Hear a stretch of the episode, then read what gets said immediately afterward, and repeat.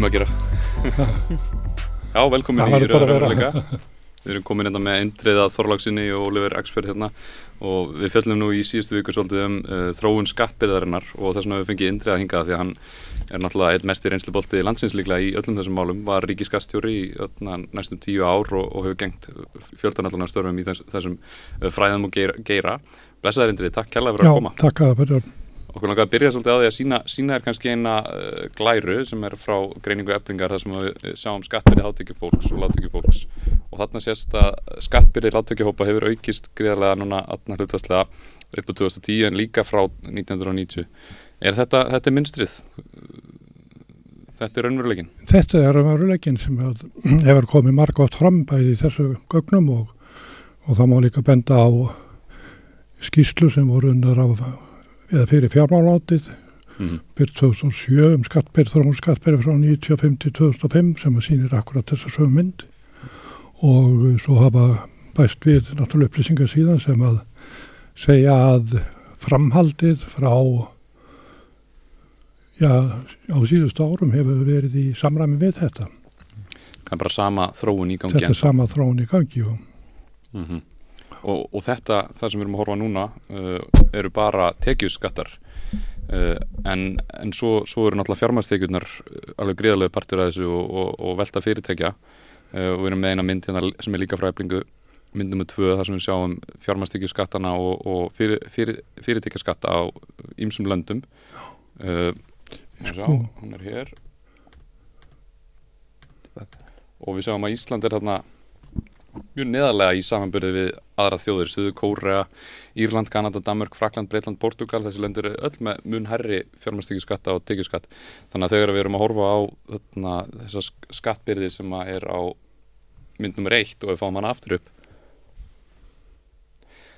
þessi mynd tekur ekki inn það sem kemur í gegnum fjármæstekjur og er, er það ekki alveg gríðalegt magn af peningum sem að... ertu vissum að þetta sé ekki Nei, ég er alls ekki viss. endilega, Ha, að. Ég eh, hef grunum með það að þetta sé mm, að meðtöldum fjármálstekjuskattinum. Já, er það svo leiðis? Já, Já, því að hækkunin sem að gerði af vinstistjórninu 2009 til 2013, hún byggðist fyrst og fremst á því að hækka hérna fjármálstekjuskattin mm, og uh, þannig að þessi hækkun hefði ekki sem að þannig hefði ekki komið til held ég án, án þess þannig að, að þetta held ég gefi upp góða mynd af hildar skattbyrðinni þar sem að samspilið á milli hvað maður segja skattlagningar reglana og hins vegar þessarar uh, fjármárstekju skatt sem er haldið svona til hliðar og skattlagður með sérstökum hætti og óskilta öðrum tekjum sko.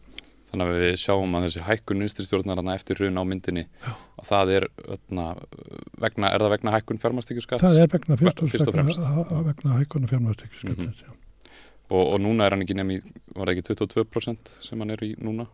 Jú, hann, í- hann var hækkaður í, í 20% og svo sérna í 22% Mm en það sem að hefur líka þýðingu er það að ár, hrun árunum að þá lækkaði fjármálstekjuskatt stopnin mjög mikið og hann hefur verið síðan að aukast aftur núna sem að leiði til meira misvæði þar að segja efri tekjuhópanir eiga nánast allar fjármálstekjurnar mm. Þannig að meðal skattbyrði þegar að hlutfall með hérna fjármálstegna ekstra þá lækkar meðal skattbyrðin hjá þessum hópum verulega. Mm Já, meinar. Og það er það sem að skýri kannski þess að þróun á, á síðustu árum um svona aukna, aukin ójöfnið skattskjörnum. Eftir hrunið þá, fó, þá fóru fjármástekjur almennt bara svolítið niður Já, þær fóru frá niður en þær fóru hins vegar að vaksa bara til þess að gera mjög fljótt svona 2012-13. mm Svona. þú, þú varst mikið að starfa á tíundaratögnum inn í fjármálaráðunitinu og, og tókst svo við sem uh, ríkiskastjóri og, og við sáum nú ég og Ólefur sáum að þér var vikið úr nefnd um endurskoðan skattgerfisins og maður velti fyrir sér, ert, ert þú þannig að standa svolítið á móti þessum nýfrjálsíkju ströymum sem er að það sem snúast um það að þú lækkar skattana á þau ríkustu og þau munu þá þarna, fara fram á brillera og, og, og flytja allan auðinu til lág og millstættan. Ég, ég veit það ekki hvort að nýfrjálsíkja eða hvað það er en, en þannig var að fram til þessa tíma hafði voru vextatekjur algjörlega skattfrálsar. Það er regla sem er tekin upp á verðbólgu árána miklu og í útaf fyrir sig ekkert óröggrétt á þeim tíma þar sem að raunvext er af, af spari fyrir sérstaklega öllum, öllum peninglegum eignum var, var neikvægt sko, mm. vegna verðbólgunar. Hins vegar þegar komið fram á þennan tíma þá er, er breytt bæði höfðu aðrar fjármarstekjur þar segja aðrar vextir þar segja arður og söluhagnaður aukist mjög mikið og þær voru skattskildar og uh, í þessari nefnd þá kom upp þessi hugmyndum að setja þennan 10% skatt á allar fjárnáðstekjur þar með að lækka skatt á arð og söluhagna og svo framöðis en hækka það á, á hérna, vexti af, af hér um, peningilega megnum þar sé nýðstæði með böngum mm -hmm. sem svo það þitti að það hefði við hækka skattur á þær fjárnartökjur sem allur almenningur hafði bara af sínum Eh, launatekjum sem voru bankunum, en lækka skattin hins vegar af raunverðlum fjármáltekjum uh, í, í rekstri eins og arði og þess áttar. Og, og ég sem sagt uh, hafði það afstöðu, það var bæri og til enda verið að skatleggja allar tekjur eins og óháð upprannu sinum mm. og held því nokkuð stíft fram en, en hvort ég við reygin og nefndin en börnum ekki sett en allavega var það svo að ég var sneri með þar á öðrum verkefnum sem að voru að kallandi og, og var þess að ekki með í loka ákvæmslu málsins. Mér finnst það alveg galin ákverðin að svona lægstu laun, þau voru, þau voru, öðna, það voru skatleysismörg. Já. Það er alveg galið að þessi farið. Já, það er lut af þessar þróunum að lítur á þróunan frá 1992 þegar að kannski staklæskerfið er komið til framkvæmd og búið að ná ákveð jafnvægi að þá á þeim tíma voru kannski tvö sérkenni á íslenska skattkerfinu það voru mjög há, há skatleisismörg og það voru mjög háar bætur, barnabætur og vakstabætur sem að þýtti það að cirka þriðjóngur af öllum skattborgunum, öllum skattegum voru borguðu korki tekjaskatni útsar mitt hér eh, bara bæturna voru næstu 20% af innkominu sem var notað í, í bætur sko. Og það er í raun og veru brottfallið á þessum tveimur þáttum þar að rýrnum skatleitsismarkana og lækandi rungildi bæði vakstabóta og barnabóta sem hefur gert að verkum að og skýri þessa hækkun á skattbyrði sérstaklega lálaunda hópana og legstu tekjuhópana á þessu árabili Þannig að mm -hmm. þetta er akkur þeir þættir sem að, að eru kannski stærsti, stærsti orsökin eða, eða ástæðan fyrir því að, að þessi hækkunni var alveg svona mikil. Reyndist það hérna á Íslandi að nýfrálsíkjan að hún gengur út á það hugmyndafræði um það að þú lækkir skattana á, á, á fjármæstekjur og staðistu aðelina fyrirtekin og, og svona á þá auka þau þetta er humdafræðin og þá eigur fyrirtækin framleiðinni sína og þau skara fram úr og, og það liftur öllu samfélaginu upp og þau meira þess að halda því fram að, að þetta mun auka tekjur ríkisins þó þú lekkir skatta að framleiðinin ekst svo mikið að það, það mun skil, reyndar skila sér í ríkisjóð. Er þetta rétt? Hefur þetta reynst rétt? Þetta er afskaplega falleg teori og hagnýtt fyrir þá sem eiga peninga og eiga eignir en ekki fyrir aðra. Þetta er ekkert ný hvað hún er búin að vera viðlóðandi lengi og uppáhaldi hjá republikunum í bandaríkunum sem hafa barstunni en það veit svo til að þessum áratögum sem að liðnir eru síðan að koma fram hefur aldrei verið sínt fram á það með tölum að neitt af þessum ágættu eiginleikum komið fram Mm. Þetta er porkið það að þetta örfi fjárfæstingu og svo fram auðvitað nýja að, að þetta skilir sér niður til hérna, það er hverki kom fram tvert á móti, það er ansóknir sem gerðar hafa verið að sem sína að þetta sé görsamlega út í bláin þessar fullæninga þannig að, að ég gef ekki mikið fyrir það ef að slíka fórsöndur eru hafðar fyrir skattabrætingu hér á landi fyrir munum annar staðar. Mm -hmm. verður ekki bara til þess að sé tölvört meiri hömstrun á, á raunverulega fjármagni af hálfu þeirra sem er að, þegar í þessum háu fjárhagslegu stuðum er svo leiðis Jú, sko, það er kannski verðt að geta þessi sambandi að að svona hlutir eins og segja, skattbyrðin þar segja hversu stóra hluta ríki skerðir tekur fólks til þess að kosta samleysluna að það er á hvernig segja, dreifing þessar skattemtu hefur áhrif á hérna auðsopnuna þar segja hvar eignir sapnast upp mm. og það er engin tilvílun á þessu sama tímabílu við erum að tala um hérna að þá mætti auðveldlega rekja það og sjá hvernig sko, eignaskiptingin í samfélaginu hefur um, breyst nákvæmlega á sama átt þar að segja þeir sem hafa verið leistir með einhvern hættu undan því að greiða sama hlutar af sínu tekjum til samfélagsins eins og aðri, þeir sapna eignum og meðan aðrir eru að berjast í bökkunum og eins og menn sjá núna og vitaði núna þá er, er mjög til dæmis bara á húsnæðismarkanu sjá, sjáum að afleðingarna af því að, að tekjulagri hópar í þjófélaginu þeir hafa ekki möguleika á því að eignast húsnæði. Bæði vegna þess að komum að segja að tekjuskiptingin er óréttlátt og líka vegna þess að háir vextir, við skulum ekki glemja því að þeir eru í raun og veru tilfærsla á tekjum frá þeim sem er skulda og það er komur segja tekjulegra fátækar hlutin í samfélaginu til þeirra sem eiga eignir og hafa fjö og er að ávásta það. Þannig að, að þessi tengsli eru mjög greinileg og það er svona yfirlýst ísmjöstu vilji hafðfræðingar sem að hafa beitt sér á þessum sögðum Piketty og svo framhæði sem að er það og reyndanum ekki fyrir fleiri að bara átt að gegn, hvað maður segja, misskiptingu auðs sé eitt af staðstu og ætti að vera eitt af staðstu og mestu markmiðum skattheimtu á Vesturlandum. Mm -hmm. Myndið þú segja að núverandi skattumkörfi sé að skila nægilegum tekjum í ríkisjóð uh, svo hægt sé að reyka grunnkerfin okkar á ásættilegan máta? Nei, ég held að það sé alveg hægt að fullir það svo sé ekki. Um, en uh, þekkja ástandið í okkar stóru kerfum eins og helbriðskerfum svo framvegis og ég býst að þeir sem þarf vinna og þeir sem vilja því vel að þeir telli það augljóst að það þarf meira fjött til og það þarf ekki annað en að líta á ríkisfjörmála á allanendan eins og er lagða fram á síðustu árum. Er hafa allar stemt að því að draga lækka hlutild ríkisins í uh, samleyslunni uh, hafa sett að markaði með rétt að lækka uh, þennan kortnað úr 27% af nei, 28-9% af landsframstunir í 26 á, á, á allan tímabilinu sem þýðir ekkert annað að menn er að tala um það að að draga ennþá frekar úr uh, kostnaði þessum kerfum sem þýðir bara myndi í þjónustu. Og ef við byrjum þetta saman við tölur frá öðrum löndum, bæði OECD og orðun, að þá er framlag Íslandinga í þessum efnum til þessara málaflokka í lægri kantinu og lægri heldur en öllum.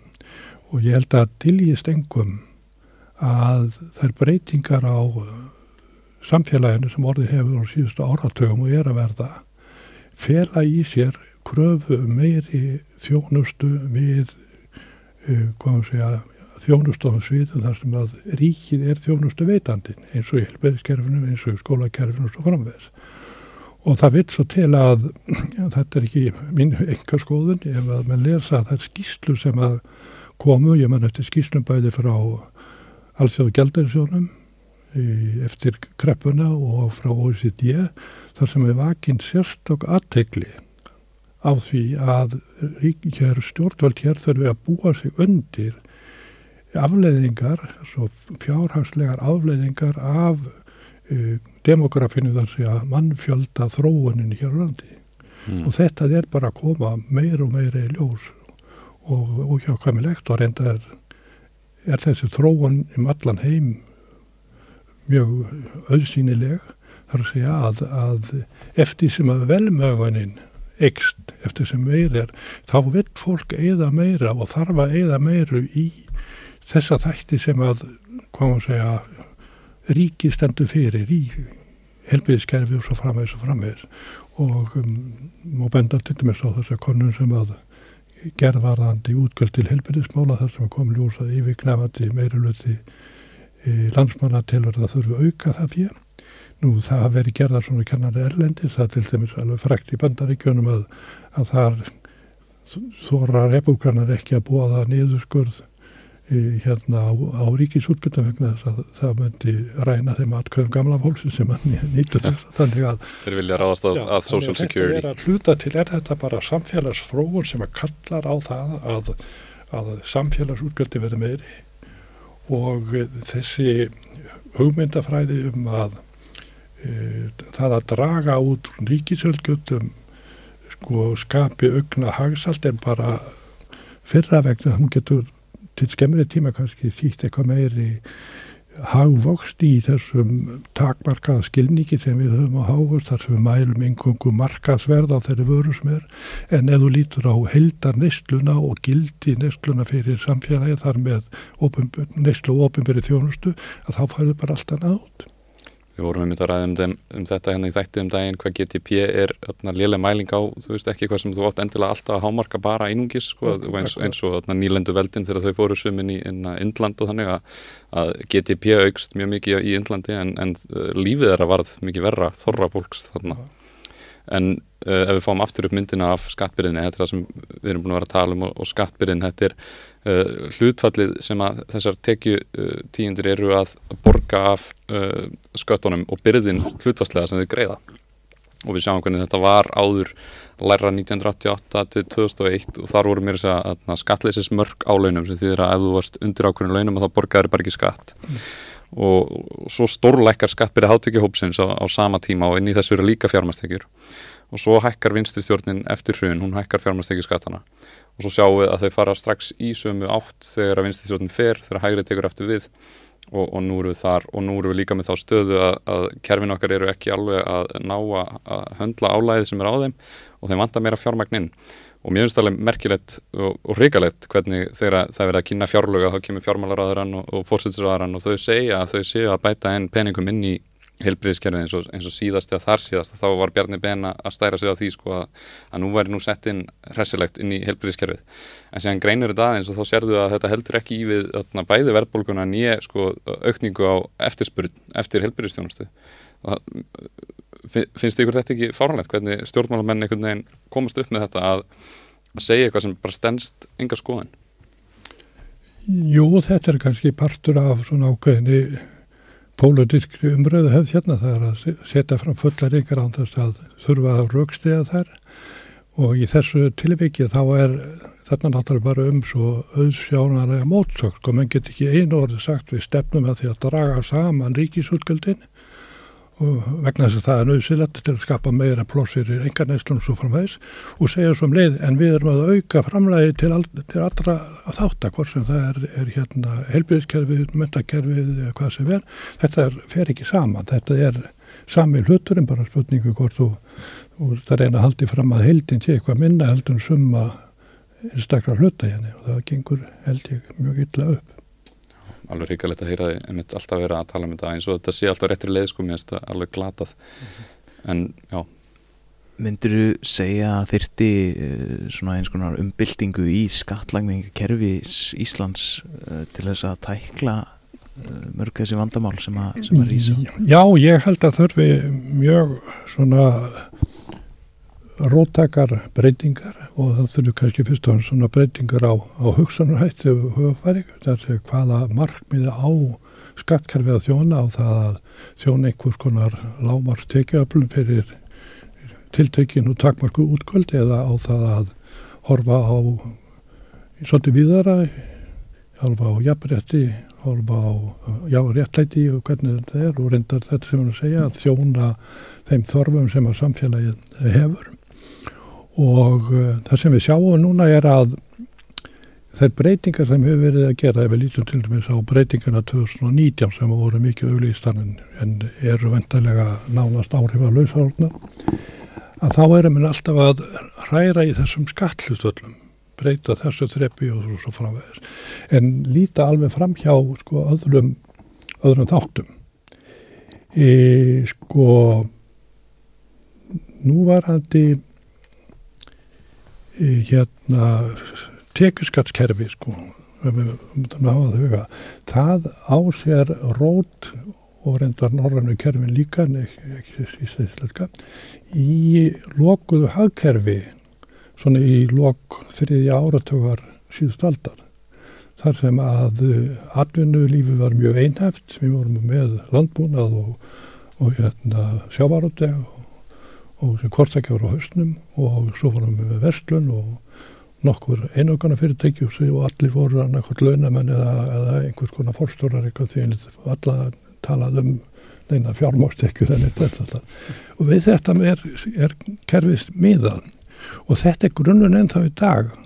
Þó að við höfum opnað hagkerfið út með til dæmis aðveldin að eflurska efnaðsamband hérna bandanu sveðinu og með opnun á fjármarsmörkum og framvegs og framvegs þannig að við hefum gjör breytt í raun og með allþjóða væðingunni hafa alla þess að fórsendu breyst en það hefur engin áhrif aftur á þetta. Við erum ennþá að nota þetta gamla heimasmíðaða skattkerfi sem tekur ekki til margveð mm. og aflegginu svo er að stór hluti af rumverlum tekum sem verða til þjófælæðinu þær byrtast aldrei hjá þeim einstaklingu sem eru það mm.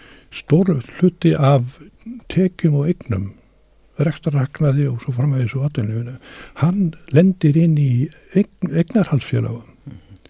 og þau eru sjálfstæði skattaðilar og þar liggur þetta fyrir og hugmyndafræðin segir þegar að einstaklingunum tekur peningan út þá skallækja það en þessi peningar færa aldrei út vegna þess að þeir bara eru í raun og veru á eins konar þessi eignahelsfélag eru nánast bara eins og bankareikningar þess að muninu sá að það þarf ekki að borga skattaði yeah.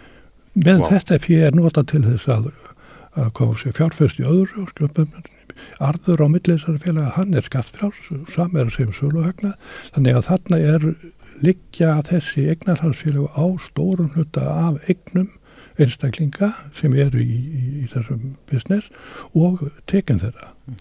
og það má sjá að margir af stóregnamannum landsir og, og, og hérna tillaðir hérna aðdorkumenn og, og fjárfærstar og ég veit ekki hvað og hvað. Þeir eru nánast tekjulöysir þar sé að þeir reikna sér nánast engar tekið til að borga skattaverðin mm -hmm. Þeir eru bara að borga skatta í gegnum fjármæstingi Þetta er náttúrulega þannig, þannig að skattkerfi lítur fram hjá stórun hluta af tekjum eignum sem að stafa af eða hafa komið til með þessari breyttu þróun í atvinnulífunu og í viðskiptaumkörfunu og í alltjóða öndun. Og hér er ekkert gert við því að e, sem hefur þó verið stórmál í ofnbjörnberi umræðu erlendis, það er þeirri að alltjóðleg viðskiptafélag, alltjóðleg stórviðskiptafélag, að þau pæra hagnaðin á milli landa, þau koma hinga til landskort sem það eru ofyrirtæki eða fiskeldi og vandarlega allstað þar sem einhver vonir um það þeir koma og ná sér hér í tekjur og flytja þar til annan landa Er Ísland orðið bara svona gott umhverju fyrir þessi erlendur stórfyrirtæki til að koma og, og komast undan skatti bara mikið, Já, mikið, mikið til? Það er kannski ekki bara íslenska fyrirge heldur Nei. það að það skulle ekki bröðist við þessum að önnur ríki eru mörgur reynir að bregðast við þessu og, og sjá til þess að svona fyrirtæki þau borgi einhvern lámár skatt heima fyrir en ég sé ekki merki þess að mennsi hafi neinar ágjörð þessu. Hér er verið að tala um stór uppbyggingu á, á hérna fiskeldi. Mm -hmm. Það er engin evi að það fylgir sömu reglum mun farið sama farveg og annars vegar stórriðjan og hins vegar sjávarútöfurinn sem að hefur þennan möguleika líka. Það er verið að tala um og mann sjá kaplöpjur fyrirtæki til þess að reysa vindorkuverð mm. og hvað heldur hverju standa bak við það með fjármagnus og framhæðs og hvert mun agna hann að því fara framhæðin. Við sjáum normenn bregðast við þessu kvorutekja, þeir tóku upp núna um síðustu áramóteldi eða, eða fyrir árinu skatt á fiskeldi í sjó mm. gegn mótmælum, gegn miklu mótmælum frá náttúrulega atvinnugreininu vegna það hún vill ekki frekar en menn hér á landi borgarskatta sko. en stjórnvöld þurfa bara að marka sér stefnu og framkvæma hana sem sko farandi með umbóð almenning sem ekki einhverja annara mm -hmm. Þannig að þú, þú ert að segja okkur að efnahæðurinn á Íslandi er múin að breytast mikið á undanfætnum áratöfum þar sem þetta var meira bara svona kannski einfaldar að sem að þetta var mikið úr uh, skattunum að tekina tekjum mm. Uh, fólk var að vinna, eða allir voru launamenn og, og þaðan kom megna þessu af skattekjunum, en, en nú eru við búin að færast meira í þá átt að þetta eru, þetta eru stórar svona uh, eignar stór eignar félög og, og stór fyrirtæki sem borga minna skatt og minna uh, já, sleppa undan skattinu meira og meira af auðnum er hjá þessum eignarhaldsfélagum og stóru fyrirtæki. Já, en, en við skulum aðtöða þessi eignarhaldsfélag, þau eru í raun og voru ekkert annað heldur en einstaklingin á bakuðu. Við erum með fullt af eignarsfélum þar sem er einn eða tver eigandur og, og þeir eru stóri hlítefar í, í þessu útgjörða fyrirtæki eða þessu banka og svo framvegis. Þannig að hagnaðum sem kemur úr atvinnurregstunum og þeir eftir atvinnum borgaða kannski 20% af, hann fer inn í þessu eignarhaldsfélag og síðan ekki söguna meir. Mm. Næsta sem fyrir þetta kannski er bara þessi hagnaður sem er fyrir sapnast upp í miljardar, hann erfist til hérna næstu kynsluðar og þar berðast maður núna fyrir því að fella niður eða hafa erðafjörskattin og stenga þannig að, að þetta er svona ákveðin ferill í þessu sem er ekkert mjög hugnalegur held ég. En með þess að þessari viðgengni þessara egnahalsfélaga er sá, þá ekki verið að vissu leiti að, að leifa eða íta svolítið undir það að fólk geti uh, aflað svona miklu fjármagni og komið svolítið undan því að borga skatt af þessum? Jú, jú, jú, jú og uh, þessi hvað, þetta fyrirbæri er þekkt víðar en hér á landi en það er líka þekkt að menn taka öðruvísu á þeim ef ég mann rétt að þá tundum við skatleggja bandaríkja menn svona lítil félag bara með eigandun þar sem eigandun bara tekjur þeirra og eignir og listar upp og skatt, það er bara til hér eins þegar mann er skatlaðað þannig.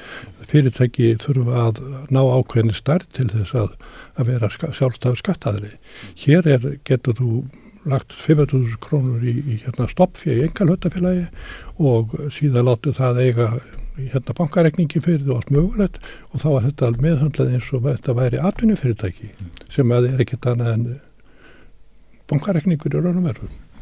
Já, þannig að sniða svona framhjáðu þessu þannig. Hva, hvað myndur þú leggja til svona núna, hvernig, hva, hvað væri raunhafar aðgerir og breytingar á skattkerfunu þannig að við getum betur fengið uh, auðin úr þessu sem er, sem er skapaðar samfélaginu öllu uh, inn í samneysluna? Þarf að hækka fjármastíku skatta? Að... Sko ef maður lítur á þetta svona ekki bara sem skattkerfi heldur svona tekjublönkerfi sko ég vil eh, skilja eiginlega auðlinda málinn svolítið frá þessu vennilega skattkerfi að þá held ég að að það þurft að móta hér auðlinda stefnu sem að tækja á þeim málum og með þeim hætti að tryggja það að það sé almenningur landi sem njóti arðsins af auðlindunum mm -hmm. og þannig hvort sem að við erum að tala um fiskveðar, eh, orkumál, fiskeldi í sjó eða á landi, ramagsframlöftu með vatni eða vindi eða hvað sem er sko, að all þessi eh, sæði þau byggja á nýtingu, takmarkari nýtingu eða nýtingu á takmarka auðlind. Mm. Takmarka fiskjastofna það eru landir, það eru fyrðirnir, þetta er allt saman takmarka og þessu verður ekki þetta verður ekki nota nema að stýra þessi nýtingu og, og þeir sem að fá útlutað eins og kvótanu núna eða fá útlutað hérna, ræktunarleifi í einhverjum fjörðum og svo þess þeir munu ef ekkert er aðgerð þá munu þeir koma að segja skera upp auðlinda arð mm. sem að tilhýri sjóðinu og ég held að þeim grundvallar aðriði að það sé til staðar almenn auðlinda stefna sem að skilgreini alla slíka nýtingu á samegnum þjóðarinnar, arða henni sem uh, samegn þjóðarinnar og hún eigi í arðin og þegar ég er að tala um arð þá er ég ekki að tala um vennilega rekstarhagna heldur það sem er umfram það sem er vennilega rekstarhagna.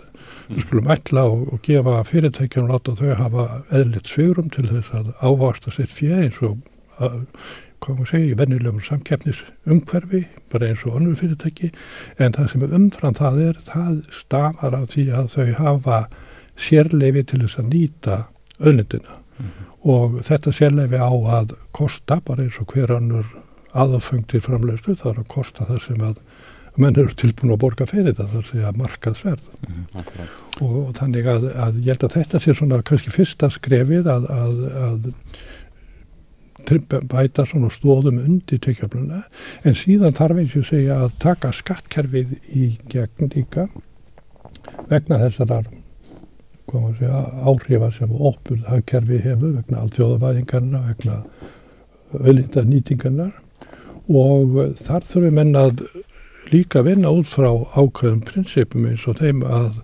það sé jafnrétti meðal þegnana sem að þýðir að allar tekjur séu skatlaðar eins Mhm. og allar tekjur komið til skattlagningar.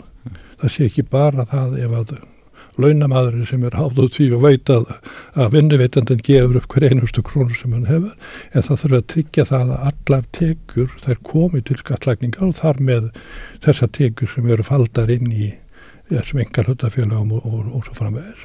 Það þurfa að gera sko og þannig að mæling þeirra sé eðlega og að, að síðan að gildi það sama um uh, sko allar þetta, það er engin rök, engin efnisleg rök fyrir því að segja að króna sem þú farið í arð hún, hún á skatleikis minni heldur en króna sem þú farið í laun. Þú farið nákvæmlega sama. Sko eðli skatlækningan er að rýra hvað að segja uh, hvað að segja kaupmátti, hvað þú getur keift mikið fyrir það.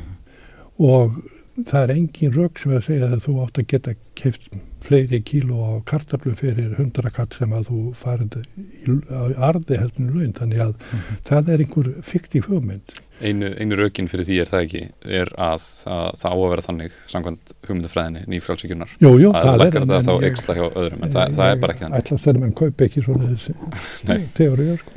Við, við vildum tala við svolítið um sjárutvegin og, og svona pælingar í kringum pólitíst hagkerfi og pólitíska hagkerfið og þarna, við erum hvoru í hagfræðingar en, en hvernig við höfum skilið pólitíska hag, ha- hagkerfið er einmitt eins og með sjárutvegin og þessar öðlindir sem við höfum.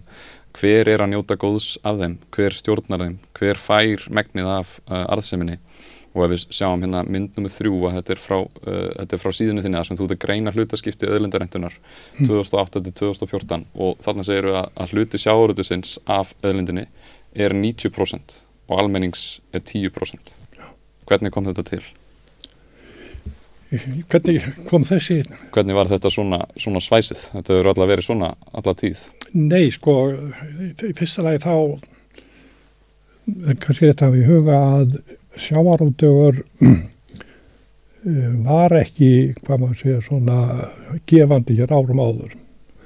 En hann var á byggilega atvinningunum sem að, að var bæði mjög áhættusum og, og, og, og erfið.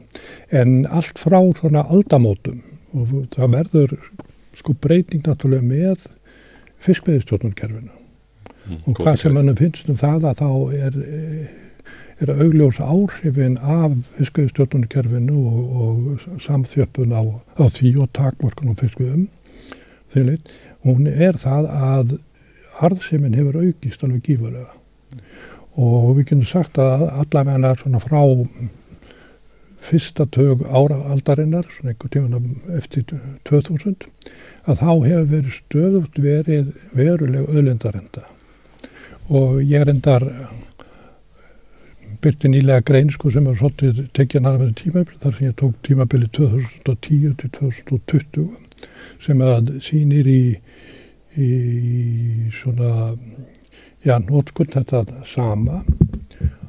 Og uh, niðurstanu úr því er svo að að uh, við getum sagt að um, e, ef við lítum á hvernig sko tekjundar netto tekjundar virðisaukin í sjávarútvegi þar sem þeir búið að draga frá allan og þá stendur standa eftir laun og rekstarhagnaður og auðlindar arðurinn sko.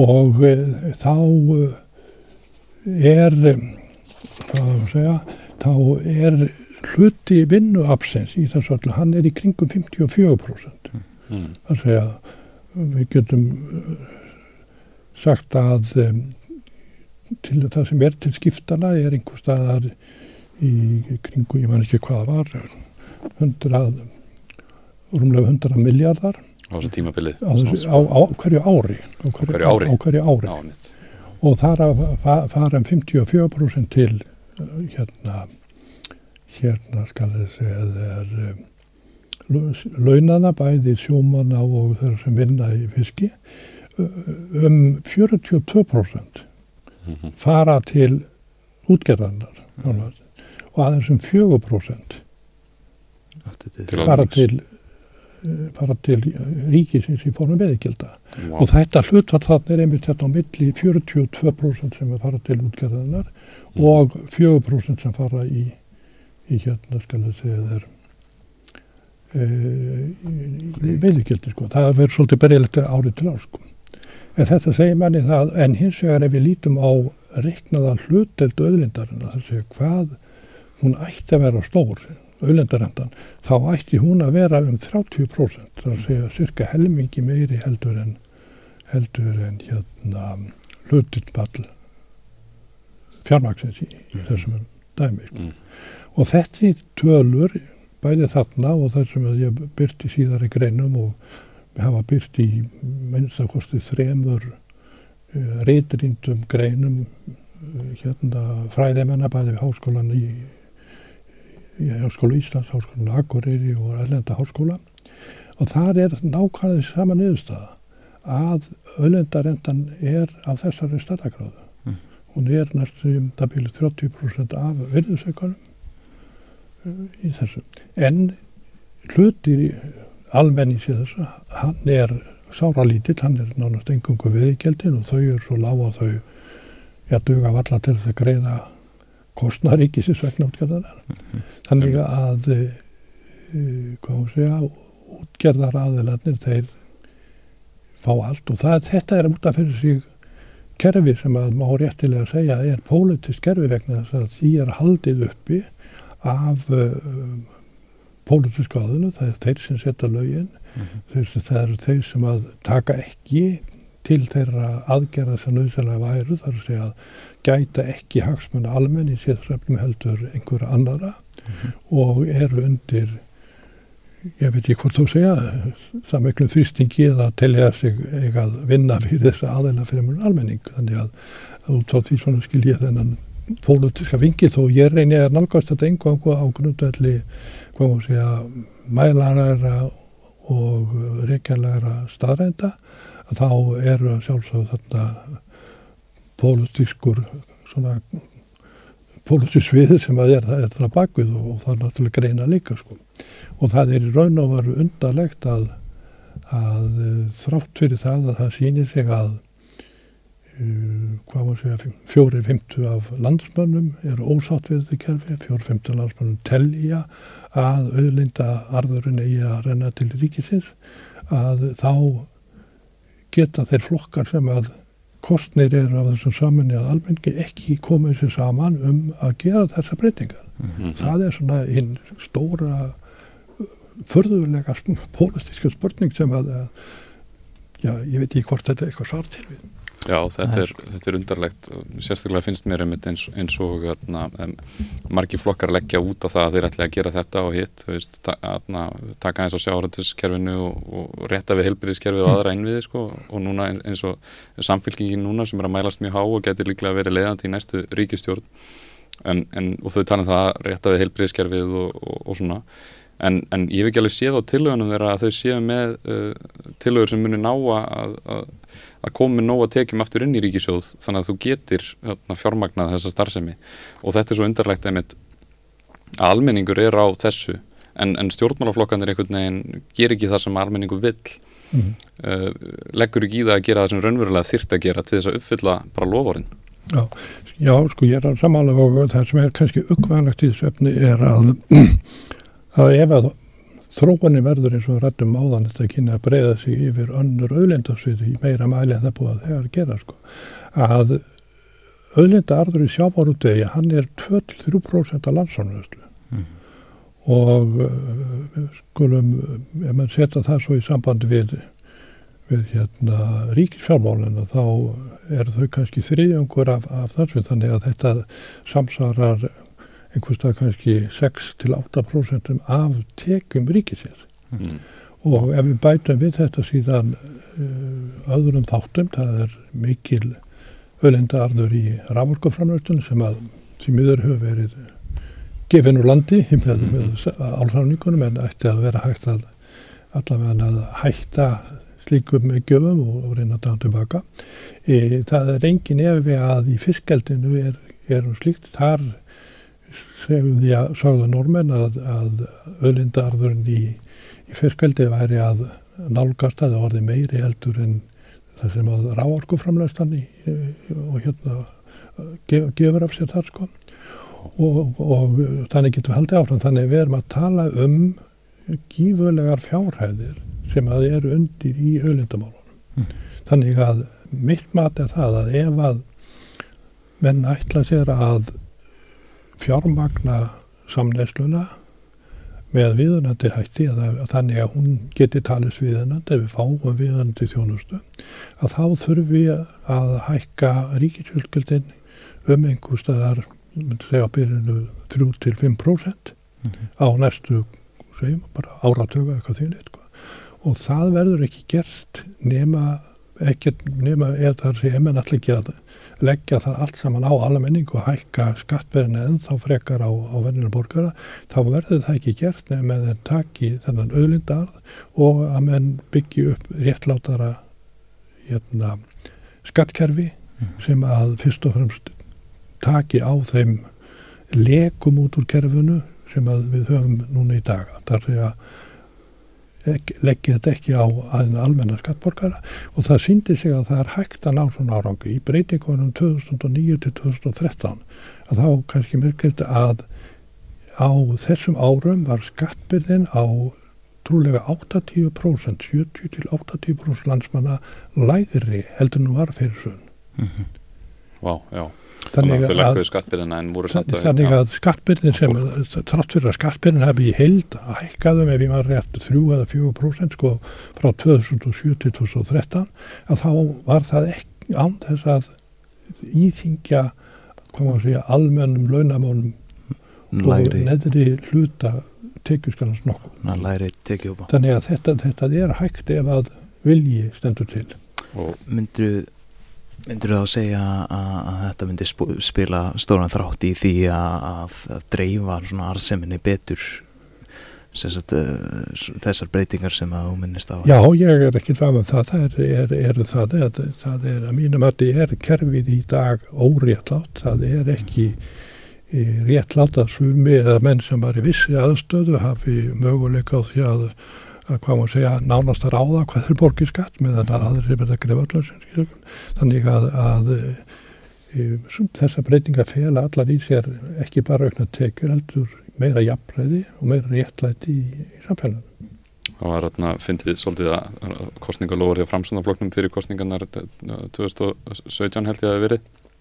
Það var Sigurður Ingi að keira í bíl og hann sagði að við, við þurfum að auka atna, styrk heilbyrðiskerfisins, við þurfum að bæta inn í grunninviðina og samgöngur en þá þarf ekki alltaf að hækka skatta þá þarf ekki alltaf að hækka skatta, við þurfum bara að auka atna, efficiency, við þurfum bara að vera hækvæmar í því hvernig við ráðstöðum þessu. Og svo, og svo náttúrulega reynist það að skattbyrjun er búin að aukast áfram. En, en það sem þú ert að segja er að til þess að fara og rétta við samneinsluna, rétta við innviðin okkar að þá er ekki gáðulegt fyrir almenningi landinu að fara að hækka skattbyrðin á, á tekjuhópa á, tek, á, á launafólk. Heldur er þessi gríðarlega arðsemi sem er í, í fisknum og rafmagninu uh, álverðunum, fiskjeldinu og, og, og fleiru sem að þarf einhvern veginn að ná í. Já það þarf að ná í það er kannski tvent sko annars að þarf að ná í þetta sé tekjur almenning sem eru að renna í annara vasa og það þarf að gæta þess að skattlagningin á tekjunum sem eftir standamenn hafa þær sé ræðar á út frá sangjarni dreifingu sangjarni og, og jafnræði en ekki, ekki svona mismöndi kerfum mm -hmm. og ef þú vísar í þetta dæmi sem að segja að það sé hægt að auka þjónustuna og án þess að hækka skatta uh, með því að ná meir út af fólkin ef við lítum á þau rauk sem að við heyrum úr hilbriðskerfinu sem segja að það vantar fleiri lækna til þess að sinna læknaverkuna, það vantar mentaða hjókunarfræðinga og það vantar þetta og þetta fólk. Í, hvað segir þetta okkur? er þetta eitthvað sem hægt er að bæta bara með því að smetla saman höndi eða stýra bíl út í móa, það held ég sé ekki Nei, þú þarft eitthvað mjög raunhæft það, Þarna er bara með að kalla það og það er bara það sem að nútíma samfélag þarf að horfa stöfu við að þessi verkefni ríkisins í kerfinu hvort sem heilbriðismál, skólamál rannsóknar vísindi þetta eru bara mann afla frek verkefni, mm. þetta eru þú bætir þetta ekki með þú getur bætt aðstofun og bætt þetta með góðum hérna þjörgum eða hvað þetta heitir þess að tækja vel en þú þart mannskapin mm -hmm. þú þart fleira fólk til þess að sinna þú þart ekki að líta bara á mönnun á hjógrunarkerfinu mm -hmm. það þarf fólk til þess að sinna fólkinu sem eru á, á hjógrunarstofnunum þú gerir það ekki bara með einhvers konar pappisaraðingum Nei, nákvæmlega. Uh, myndir við þá ekki líka segja að, spili svolítið stóran þátt í því að sé búið þess að vera svona bínu markvis uh, skerðing á fjármagnir til til dæmis uh, mentastofnun á Íslandi sem að uh, spila stóran þátt í eins og til dæmis vöndun á mann mann nafla innan heilbreyðiskerðin Jú, já það hefur glögglega komið fram af hálfu hérna helbriðstofnanina að niðurskurðurinn eða, eða skortur á fjö stendur í vegi fyrir því að fá fólk til starfa sko. og þannig að þetta er þetta kerfi hafði fangið allt saman saman sko, það er alveg reikalegt, ég, ég á tvær vinkonur sem eru hjúgrunafræðingar nýjútskrifaðar mm. og svo faraðar að vinna og vinna í nokkur ár og það eru bara brendar út og hætta sko. mm. veist, það er bara nennisingi sko. þetta er lítið laun og mikið álag mm sjálfur sem, sem sagt, eh, starfsmæður innan heilbreyðiskerfisins sko, svona í daglegu líf og það er mynd, maður finnur alveg mjög fyrir því að þessi mannekla er eitthvað vandamál sem að, sem að virkilega leggur meiri pressu á eins og sérstaklega hjókunarfræðinga sko. mm. og í sjálfu sér þá er þetta eitthvað sem að, sem að í sjálf, eh, sagt, kjör þeirra hjókunarfræðinga þá sérstaklega kannski minna með lækna en, en en þá hjókunumfræðinga eru ekki í samræmi við þá ábyrð og, og það ála sem það eru fyrir í, í, í starfi sko. mm -hmm. Já, ég, ég þekkir endur ekki inn, inn á það en, en almennt séða þá uh, held ég að uh, uh, í atvinnulífunu þá segja mér gerna sko að það á að vera jafnvægi millir eftirspurnar og frambóðs og þannig á launakerfin á alvegna markonu vera líka. Þá borga mannónum fólki eftir því hvers verið það er. Mm -hmm. þar segja hvaða laun þú þarft að borga til þú fátt að starfa. Þessi er alveg kipt úr sambandi mm -hmm. í, í umræðum óbeigbjörnmarkaðin mm -hmm. það, það er ekki sko, ekki spurt ég hvað þarf að borga þarna mikið heldur þetta er sett saman í eitthvað, eitthvað allt annað kerfi og þá geta komið upp þessar stöður og hafa alltaf komið upp að þú hvoru er að, að kannski heilar og stórar og mikilvægar starfstettir að það er einhvern veginn dragast aftur úr launum mm -hmm. þeirra aðstæða til þess að berjast fyrir þessum kjörum líka bara maður segja vandíkanda sem er hafa til þeirra komið veg fyrir að það grýpa til róttakar ástafana og svo frá með en þetta þýðir það að fólk hverfa úr þessu starfum það skapar öngþetti og þannig að þetta er ekki ekki gott, ekki góð þróun sko. og, og allt þetta tengis þetta náttúrulega fjármálur með einhverjum hætti. Þetta er alveg hrikaleg þróun nefnilega, við sjáum að manneklun er að vera mikil og, og fjöldin allur að leknum og hjúkurnafræðingum hafa reglulega núna komið saman og sagt, hingað ekki lengra við getum þetta ekki lengur mm. og vera að bila til stjórnvalda að fara að taka á þessu. Mm. En, en tvær spurningar svona í lokin að heldur að ef við myndum ráðast í svona endurskiplagningu á skattkerfinu og ná meira af öðlendurentinni til þess að fjármagna samleislega almenlega eins og fólk vil, mm. það er það sem að almenningu vil uh, gætu við líka mögulega atna, sett aftur á skatleysismörk fyrir lægstu laun og myndi það hafa góð háruf eða slæm heldur við?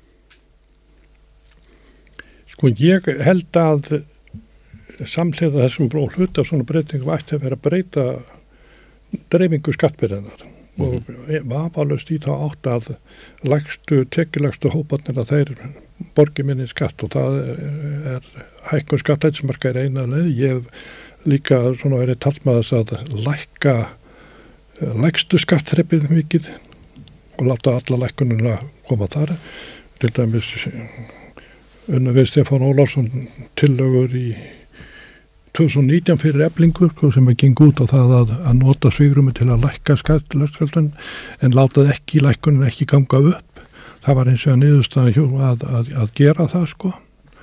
Og uh, maður spurði sig hver var tilgangun að lækka skattbyrna hjá einhverjum sem hafðu miljónur á mánuðum 1% eða eitthvað þess að það sem líð í gerð kjærasamninga þannig að, að það er það er kannski einmitt svona hugsanhátt þar sem enn í raun og veru uh, leggja ekki niður fyrir sér uh, sko hver er markmiðin, hver er tilgangur með ákvönum breytingum og, og svo framvegir og það er það sama sem ég er að segja varðandi breytingar á skattgerfinu eða öllendamálun þá þurfum við að hafa og setja sér svona skýr og greinileg markmið og grundvallar reglur sem að þurfa að ráða því hvaða menn taka. Og, og eina þessum grundvallarregnum er jöfnum skattbyrjina sem komulega þýðir lægri skatta fyrir þá lagslönuð og hærra skatta fyrir hérna að hún þarf að leggjalega fyrir og ætti að vera partur af þessu.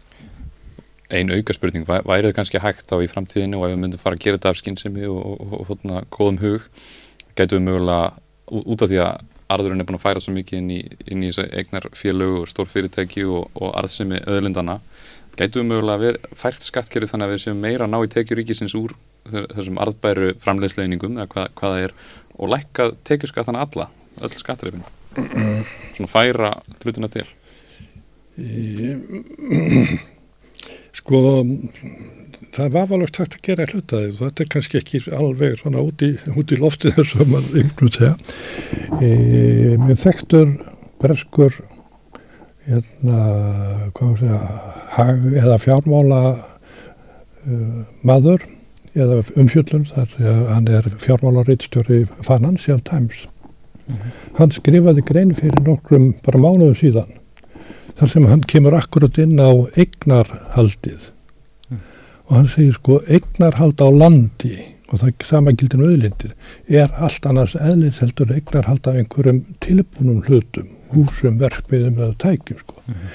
Þetta er í raun og veru eignir sem að eigandunir hafa ekki fornan einu fyrir. Yeah. Þeir notuð þetta var aldrei búið til fyrir með því að neyta sér með einhverja neystu eitthvað þýli sko. Og hann sagði við um að skatleggja eignir, þar sé að sko fastegnir land og annað sem er slíkt og, og þar með auðlindir og annað sem hanga saman við landi sko og hann gekk svo langt að fullita með því að taka upp skatt á þetta er þetta að leggja niður tekjuskattskerfi fyrir einstaklinga. Vá, wow, bara alveg leggja það niður og þetta var í Financial Times. Yes, já, já, og hann segir sko að um 50-60% af eignum í Breitlandi og í Bandaríkjunum eru af þessum toga. Þeir eru ekki tilbúinar eignir eitthvað sem menn hafa búið til, heldur eitthvað sem menn hafa slegið eignsinni á, mm -hmm. en ætti í raun að vera að tilhera almenningi. Er, og þá er má líta á þetta í raun og voru sem einhvers konar auðlinda rendu af þessum eignum. Er einhver, er einhver skattur nú þegar á uh, eignir af þessum tóa? Sko það er, sko í, í dag er það er svo að eignarskattar eru mjög mísjættur á milli landa, sko flest landi eða mjög mörg landi eru með eignarskattar að einhverju marki, getur sagt til dæmis í Norri, Fraklandi mann ég eftir og, og það er í Breitlandi líka og svo fæðis. Ofta tíðum bara á mjög mikla eignir það séðan venjulegar eða eignir venjulegt fólk þar undathegna sko. en e, þetta er, það er til sko og e, mitt mat er það að eignarskattur eigi fullan rétt á sér einfallega þeirra ástæðu að að eignir ekkert annað en annað form af hvað maður segja neyslugetu. Mm -hmm. það sem við erum að gera þegar við erum að skatleggja erum við að uh, takmarka neyslu og greiðslu getur við segjum þeir sem að hafa mesta neyslu getu í formi uh, tekna að þeir eiga að borga en eignir eru ekkert annað heldur en uppsafnaða tekjur þannig þær eru form af þessari neyslu getu þannig ef við ætlum að segja að þeir eiga að leggja mest til samneysluna sem að mesta neyslu geta veitt sér þá er lógist að taka bæði tekur og eignir undir í, í því. Og það er hugsunin í raun og veru í, í hvað maður segja grunn fræða honum í skattafræðum að tekjurnar eru summan af neyslumanna og eignabrettingu á hverjum tíma sko. Það er það. Þannig og maður sér til dæmis það að ef þú segir sko maður sem að, að hérna, ef að því við erum að tala um fjármálstekjuskattin ef að einhverjur sem að, að fær hérna fjármálstekjur sölu hegnað upp á hérna, miljarða eða svo sko og borgar af því sín 20% Já. og, og síðan getur hann bara ekki sína niður eftir að hann bara borga einu sinni 20% í eitt ára af þeim 100 árum sem hann lifir á eigninni Þetta er náttúrulega galið sko. Ha, Þetta er alveg galið. Það Og, við, og, og, launa fólk að borga 30 upp í 40% í, í skatt. Það var ein auka spurning sem við fengum úr sal og, og svona svolítið öðruvísi tengist þessi ekki beint. En það var verið að velta fyrir sér að geta hagfræðingar uh, eru þeir með góða mentun til að búa til reikni reglur um afköst fiskistofnana stofna. Væri hægt að nota aðfyrir hagfræðinar til að álekta um stærðir fiskistofna? ég eh, sé það ekki sko Mm -hmm. sko haffræði er ekki sko raunvísindi uh, haffræði er félagsvísindi hún fjallar um hvað maður segja ætluðu eða rannsökuð viðbröð manna, ekki bara einstaklinga heldur hópsálarina líka við, við hérna, breytingum í umhverfinu og svo framvegis hvernig, menn, hvernig samfélagin bregðast við einhverjum breytingum, hvernig markaðarnir bregðast við, hvernig einstaklingarnir bregðast við, sko, þannig þetta er, er félagsvísindi. Og ég efast um að þó að þar séu marg, mörg tól í þeirri kist að þau séu gaglegi að glíma við sko, segja, náttúrufræðileg fyrirbreyði eins og eins og fiskistofna. Það sem liggur kannski meira á að, að mæla og beita það fyrir líffræðarna. Já, að vísum sko má að, að það er ein aðferð sem að er, eða ein hluti sem er kannski samægilegur ekki bara hagfræði og fiskifræði heldur mjög mörgum og það er notkurn tölfræðina þar sé að, að nota reynsluna og, og, og, og hvað maður segja formgera hana í, formi alls konar tölfræðilega líkana sem að það gagnast náttúrulega hagfræðingum og það gagnast fiskifræðingum og, og læknavísindin í dag eru bara stórun hluta byggð á rannsóknum sem að byrja eða einhvers konar tölfræðileg mat út á reynslu út á, á fyrirleikjandi data byggist á. Þannig að, að öll þessi vísindi eiga svona aðferðafræðilega einhverja samleið. En eins og segi náttúru fyrirbræðinni eru ljúta sín vegi lagmálum en öðrum heldunum. Ég kem einmitt úr, úr sálfræðinni sko, var í námið þar og, og maður veit hvað tölfræðin er, er frábær Mm. en það er kannski einmitt öðru sér þegar að vart með hagfræði uh, og eins og ávið oft í sálfræðinni að þú ert að, þú ert að kljást við mannveruna og, og samfélagið og það er svolítið erfitt að fá hreinar mælingar einhverjar eins og, eins og þú myndir fá í eð, eðlisfræðinni Já, já, það er akkurat Mhm. það og það, það er misjamt eftir, eftir fræðigrænum. einmitt. Indri, takk kærlega fyrir að koma Já, og já, ég hveit fólk. Þakka fyrir skallið og bara okkur góðra gegn, góð skeggis. Takk hérlega og ég hvet fólk að kíkja á síðuna sindra. Þið, þið finnið fullt af greinum og gögnum þar. Eða leitið Indrið Þorlagsson á YouTube að það, nei á Google segja þá finnið það allt morandi geggjuð efni sem að getur frækt ykkur greiðlega vel um Íslands þakkjari og fleira. Takk hérlega fyrir